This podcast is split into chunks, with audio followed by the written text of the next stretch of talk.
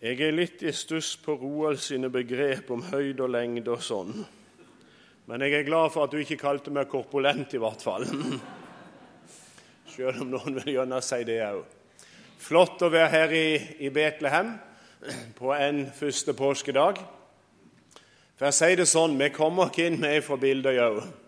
Det var noe med ei bussbestilling der som eh, Ja, vi får bare si det sånn. Det skal vi snakke om en annen gang. Men vi kom oss inn, og det var veldig greit. Og Så skal vi få dele sammen teksten i dag fra eh, Lukas evangeliets 24. kapittel. Og vi skal lese sammen fra vers 1 deran. Lukas 24 fra vers 1. Men på den første dag i uken, tidlig i dagningen, kom de til graven. De, ha, de hadde med seg de velluktende urtene som de hadde gjort i stand, men de fant steinen rullet bort fra graven. Og de gikk inn og fant ikke Herren Jesu legeme. Og det skjedde mens de sto der i villrede om dette. Se, da sto to menn hos dem, kledd i skinnende klær. Kvinnene ble forferdet, bøyde seg med ansiktet mot jorden. Da sa mennene til dem, Hvorfor søker dere den levende blant de døde? Han er ikke her, han er oppstått. Kom i hu hvordan han talte til dere mens han ennå var i Galilea, da han sa:" Menneskesønnen skal overgis i syndige menneskers hender bli korsfestet og oppstå på den tredje dag. Da mintes de hans ord. Og da de kom tilbake fra graven, fortalte de alt dette til de elleve og alle andre. Det var Maria Magdalena og Johanna, Maria, Jakobs mor og de andre kvinnene eh, som var med dem, som fortalte dette til apostlene. Apostlene syntes dette var løs snakk, og de trodde dem ikke. Far i himmelen, nå ber vi deg for Jesus skyld og til nytte for meg som er her. Vil du åpne ordet, gjøre det nært og levende for meg som er samla her nå.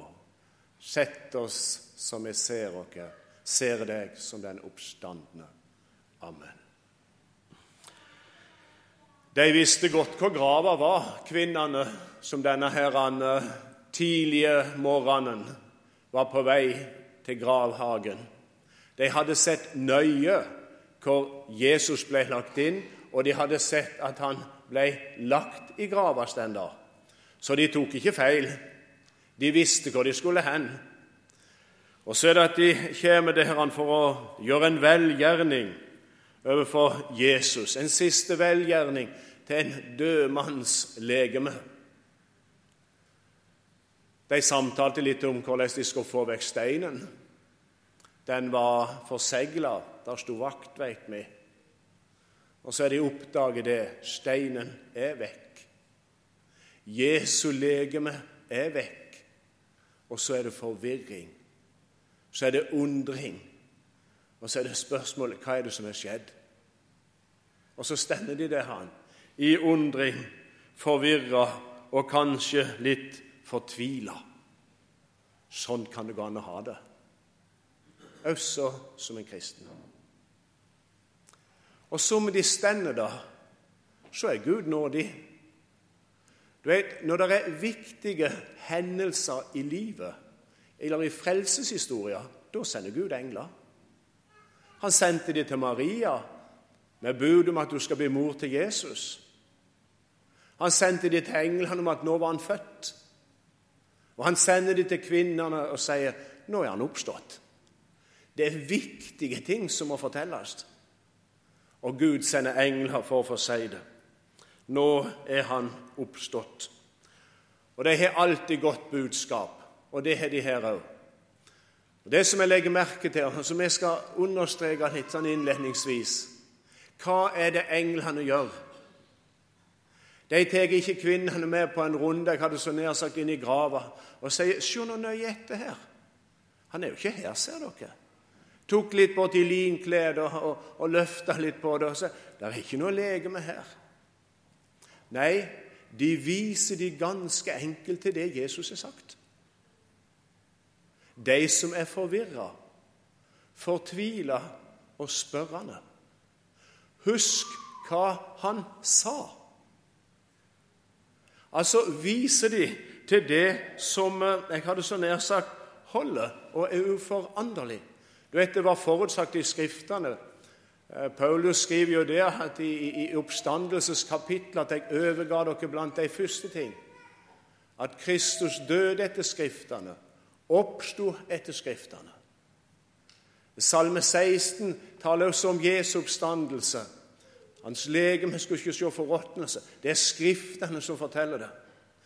Her er, her er en viktig sannhet herren, i denne sammenhengen. Når vi spør hva før Hva før er det det englene gjør? Jo, for opplevelsen, den vil forsvinne. Men Skriftene stender fast. Det han har sagt. Det er noe av det samme som vi vi møter også når Jesus litt senere denne, denne dagen Jeg har av og til lurt på når det var. Var det, var det sånn rundt jeg hadde så nær sagt kaffetid? Det var et par som var, var på vei til, til byen Emmaus, til, til var, byen Varmekilde, bort fra kors og grav, uten at vi skal legge for mye i det. Da kom han. I en parentes at ikke de hadde en MP3-spiller, det begriper jeg ikke. For tenk for en bibeltime! Den skulle jeg likt å høre. Tror jeg hadde hørt den mange ganger. Men hva er det Kristus gjør? Han viser det ikke hendene og sier, 'Men se nå og skjønn og begrip'. Han tar dem med på en 11 km bibeltime inn i Det gamle testamentet, i det som stender fast, når opplevelsen er vekk. Og Her er også noe å lære for du og jeg. Det er noe som stender fast. Det er noe vi skal forholde oss til. Det er noe Han vil lede dere inn i, og som er hjelp også når vi stender undrende, spørrende, fortvila angående Ja, er han oppstått? Det går an å spørre det for en kristen. Er det sant det jeg tror på? Kan jeg stole på det? Er jeg Guds barn? Og så videre. Han leder det inn i Skriftene. Husk hva han har sagt. Husk det. Det stender her, han. Det er forvissningers og trøstens ord som vi skal få holde fast på. Og vite det er sant. Ja da, englene får ikke med noe usant. Herren sender bud. Og hva var det de hadde å si? De er et vidunderlig budskap. Vi hadde egentlig ikke trengt mer enn de ordene der i dag. Du har gjennom vært i Israel. Mange av dere har vært det? Vært på Gordens Golgata, gått eh, trappetrinnene ned til grava, gått inn og sett He isn't here, he is arisen. For et budskap. Han sa det når vi sto der. Dette er eneste plassen han ikke er Jesus. Dette er eneste plassen han ikke er. Han er oppstått. Jeg vet ikke om jeg klarer å ta det inn. Jeg sitter når jeg satt og, og, så på dette her, han, og, og, og tygga litt på det. Han er oppstått. Ja, sannelig, han er oppstått. Det er sannhet på en dag som denne her. Han. Og hva har så det å fortelle dere? Hva, hva, hva før jeg hadde så nær sagt vi kjenner det nærmest sitre litt i ryggrad. Gleden over det. Det er en som har sagt det sånn Oppstandelsesverket, eh, eller oppstandelsen, er Guds stempel på frelsesverkets godkjennelse. Oppstandelsen er Guds ammen til langfredags fullbrakt. Og hva bevitna det? Det bevitna oppgjør for synd har funnet sted og er godtatt av Gud. Gud godtok det Sønnen hadde gjort. Jeg vet ikke om du trenger å høre det. Av og til har vi litt sånn teorisunde, men andre ganger vet, Vi er ikke så gale, egentlig. Vi, vi klarer oss greit.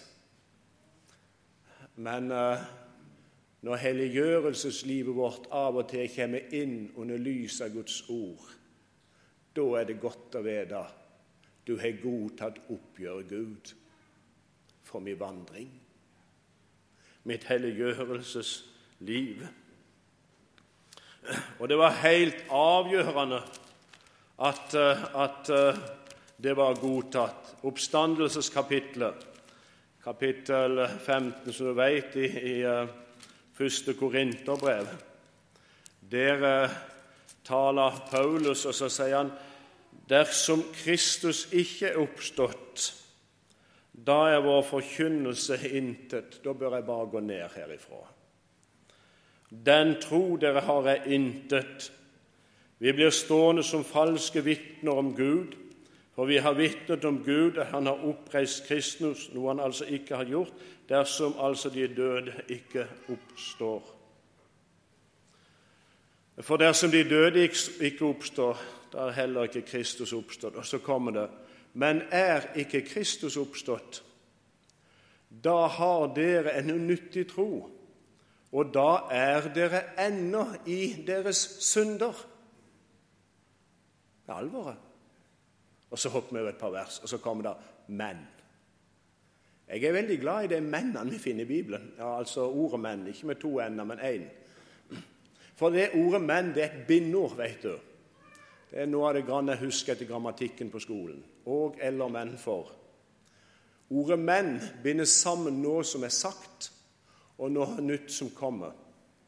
Men det som er sagt, og det som kommer, det er annerledes i forhold til hverandre. Men nå er Kristus oppstått. Så er vi ikke lenger i vår synde. Oppgjøret er godtatt. Jesaja Ja, det er jo Gamle testamentet, sier du. Ja, det er det. Jesaja fikk høre det. Misgjerninger er tatt bort. Dine misgjerninger er Det er underlig. Der er Jesaja stendig nåtid. Men han uh, tok det på kreditt. Han så fram imot det som skulle bli godkjent. Og Vi har vært innom det på, ute på, på Bildøy, ordet fra Jesaja om gjeldsbrevet vårt. Men vi gjentar det. For det er garantert at det er tilfellet. Hans gjeldsbrevet som gikk oss imot som var skrevet med bud, det tok han bort. Det strøk han ut. Hør nå. Ta det nå til deg en, en, en, første, en første påskedag. Om det så det var noe du sleit med, Herren. Det er godtatt av Gud. Tok det bort, strøk det ut, og han nagla det til korset. Derfor kunne Paulus skrive til de kristne i Efesus i kapittel 1 og vers 7. I ham burde vi hatt Nei, nei, nei, det er ikke det han skriver. I ham har Det er tale om et eierforhold. Og hva er det vi har? Syndenes forlatelse. Bestemt form, flertall. Å, det er godt å vite. Det er talen ifra den åpne grav, ifra en oppstanden frelser jeg får eie syndenes forlatelse. Du har godtatt det, Gud. Oppgjøret er godt nok for deg. Så er vi ikke lenger i våre synder, som vi las. Men det er oppgjort og godtatt. Så er det det som er det viktigste. Gud har godtatt det. Og så vet vi også at dommen over oss er holdt da. Må få ta med det. Dommen over oss holdt. Nu aldri mer jeg dømmes, ti Krist for meg ble dømt. Du møter en annen sånn. Konrad Landro. Noen av dere kjenner navnet. Han var i Finnmark en gang, og så møtte han ei kone. Han hadde preikt. Og så var det ei kone som kom fram etterpå, så hoppende glad. Så skulle mest tro var karismatiker, sa han. Og hun sa 'Nå, nå har jeg sett det', sa hun. 'Nå har jeg sett det. Ja, kona lurte på hva hun hadde sett. Men hun hadde sett det! Ja, hva du har sett? Ja, nå har jeg sett det, sa hun. Hva det var? Ja, hun var livredd. Hun var et Guds barn, men så fram imot dommen og var livredd. Men nå har jeg sett det, sa hun. Jeg skal ikke få dom. Hvorfor det? Nå skal du få høre det. La dere lese det, Johannes. Det, det, det ordet som, som, eh, som, rett og slett er Guds doble ed i denne sammenhengen her i kapittel 5, vers 24. Et veldig kjent vers. Sannelig, sannelig. Guds doble ed. Det er helt sikkert at det er sant, i lys av den tomme grav, at den som hører mitt ord, tror Han som har sendt meg, har evig liv. Begynner allerede her. Han kommer ikke til dom, men er gått over fra døden til livet. Nå har jeg sett det. Det er godt å få se det. Du har vel sett det? I lyset av den tomme grav. Den tomme grav vitner også om at døden er overvunnet. Eh, når Bibelskolen reiste rundt lenge før jeg kom der, så eh, var de en gang på KVS Lyngdal, hadde de med en kristendomstime. og så, så, viste de en slide-serie, så dere skjønner det lenge siden, eh, som heter 'Dagen da døden døde'. Ja, Flott, det.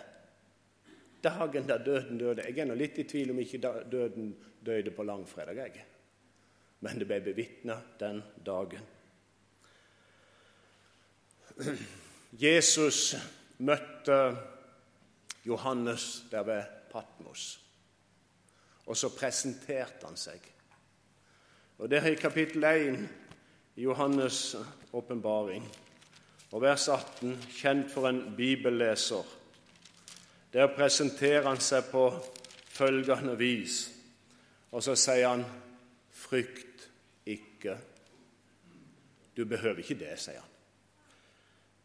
Jeg er den første og den siste og den levende. Jeg var død, jeg veit det, sier Johannes med seg sjøl. Jeg så når de stakk spyd inn i sida, blod og vann rant ut. Jeg veit du var død, Jesus. Og se, jeg har leven i all evighet. Ja, det veit jeg òg, sa Johannes. Jeg skjønte du jeg sto der i grava og jeg har nøklene til døden og dødsriket. Hva forteller det? Jo, Det forteller når to bystater lå i krangel med hverandre, og fiendskap og krig, og den ene hadde tapt. Så kom han ut med bynøklene til seiersherren, knelte ned og overrakte nøklene som viste du har makt i min by. Det har vært et underlig øyeblikk for å være i bildet. Når døden knelte ned for Han som eier navnet livet, og sa, 'Du er den sterkeste'.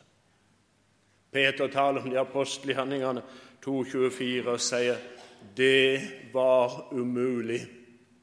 Hva var det som var umulig? Ja, For døden var det umulig å holde ham fast.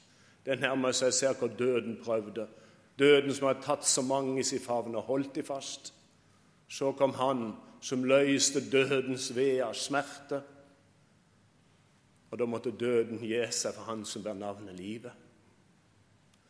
Døden kunne ikke holde han fast, han som har nøklene til døden og dødsriket. Andre Timoteus brev 1 sier han har tilintetgjort døden. Ja, men vi dør jo ja, men døden er tilintetgjort som en makt i tilværelsen. Og ført liv og uforgjengelighet fram i lyset ved evangeliet. Seiersherren ifra Golgata. Derfor er det at Paulus i, mot avslutninga av oppstandelseskapitlet bryter ut følgende. Når han har talt om dette, så sier han død hvor er din brodd? Hva er det som gjør deg så farlig? Død, hvor er din seier? Vis meg det. Dødens brodd er synden, syndens kraft er loven. Men Gud være takk som gir oss seier vår Herre Jesus Kristus. Døden møtte Kristus og tapte på alle fronter, for å si det så, så hverdagslig. Og her er, her er, noe fint for vår del. Dere, dere er jo bibellesere hele gjengen her. Han.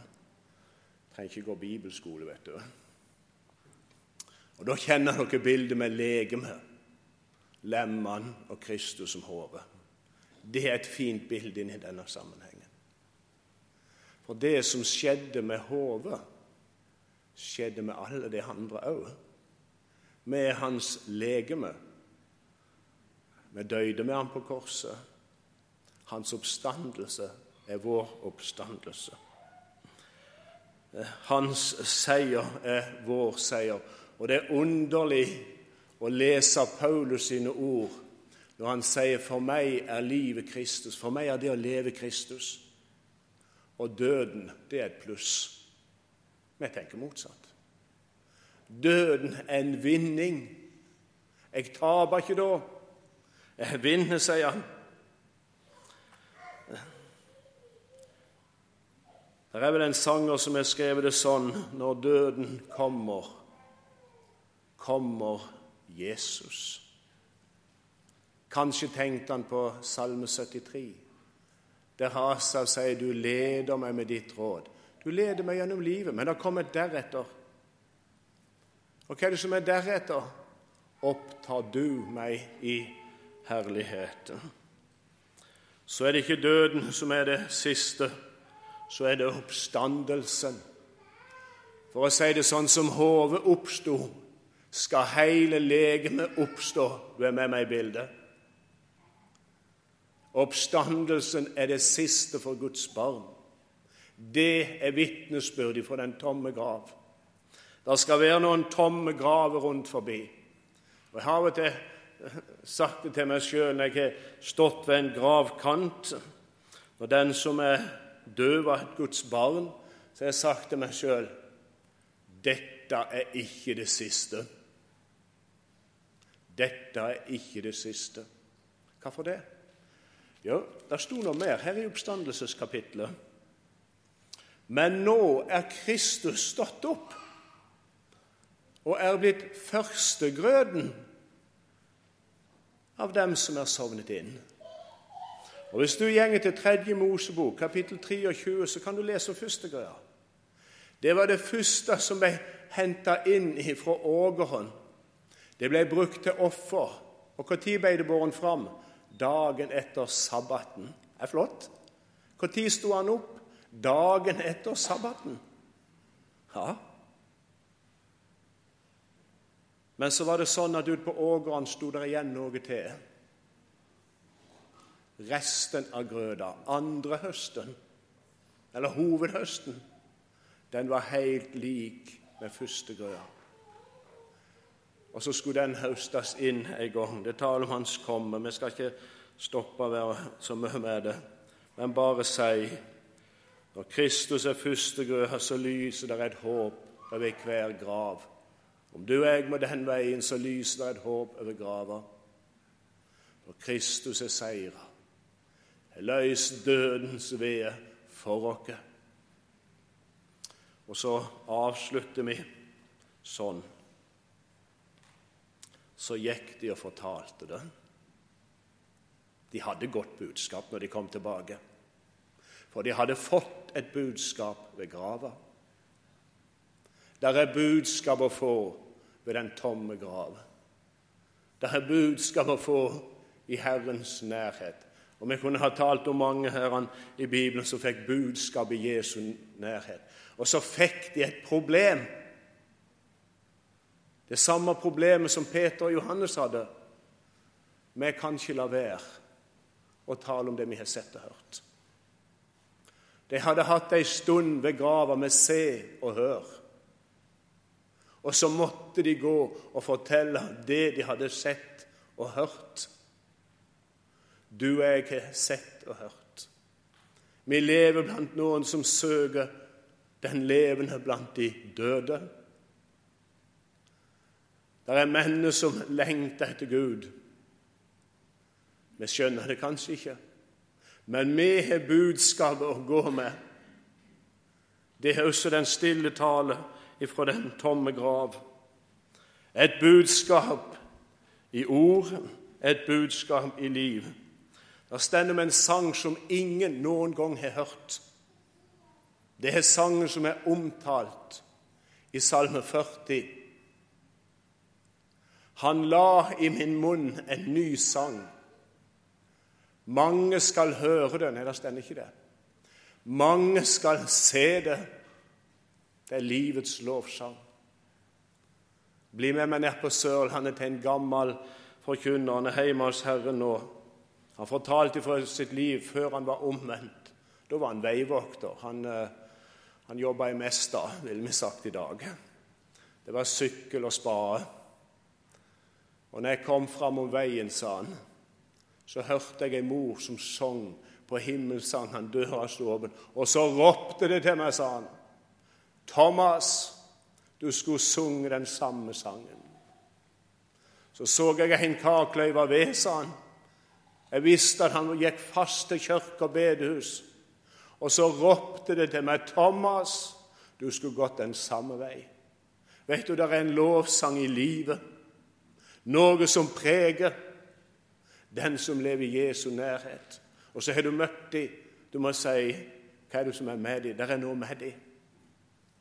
Ja, de lever nærme Jesus. Og Så ble jeg også vitnesbyrd i, i ord. Du og jeg, sier Bibelen, vi skal ikke være lys og salt. Vi er lys og salt. Og det kan ikke skjules. Gå og fortell at tom er hans grav. Livet han vant, da livet han gav. Gav det for oss og kjøpte oss fri. Frelse og fred han alle vil gi. Det er ansvaret ved den tomme grav. Far i himmelen, vi ber deg ganske enkelt. Ja, men vi først takker deg. Takk for den tomme grav. Takk for den oppstandende frelser. Takk at du ble førstegrød av Jesus. En dag skal sigden svinges, og du skal hente resten. Takk for håpet. Vi ber deg, Jesus, vil du lage oss i lyset den tomme grav og se vårt ansvar og vårt oppdrag. Takk at du betrodde dere å gå og fortelle. Amen.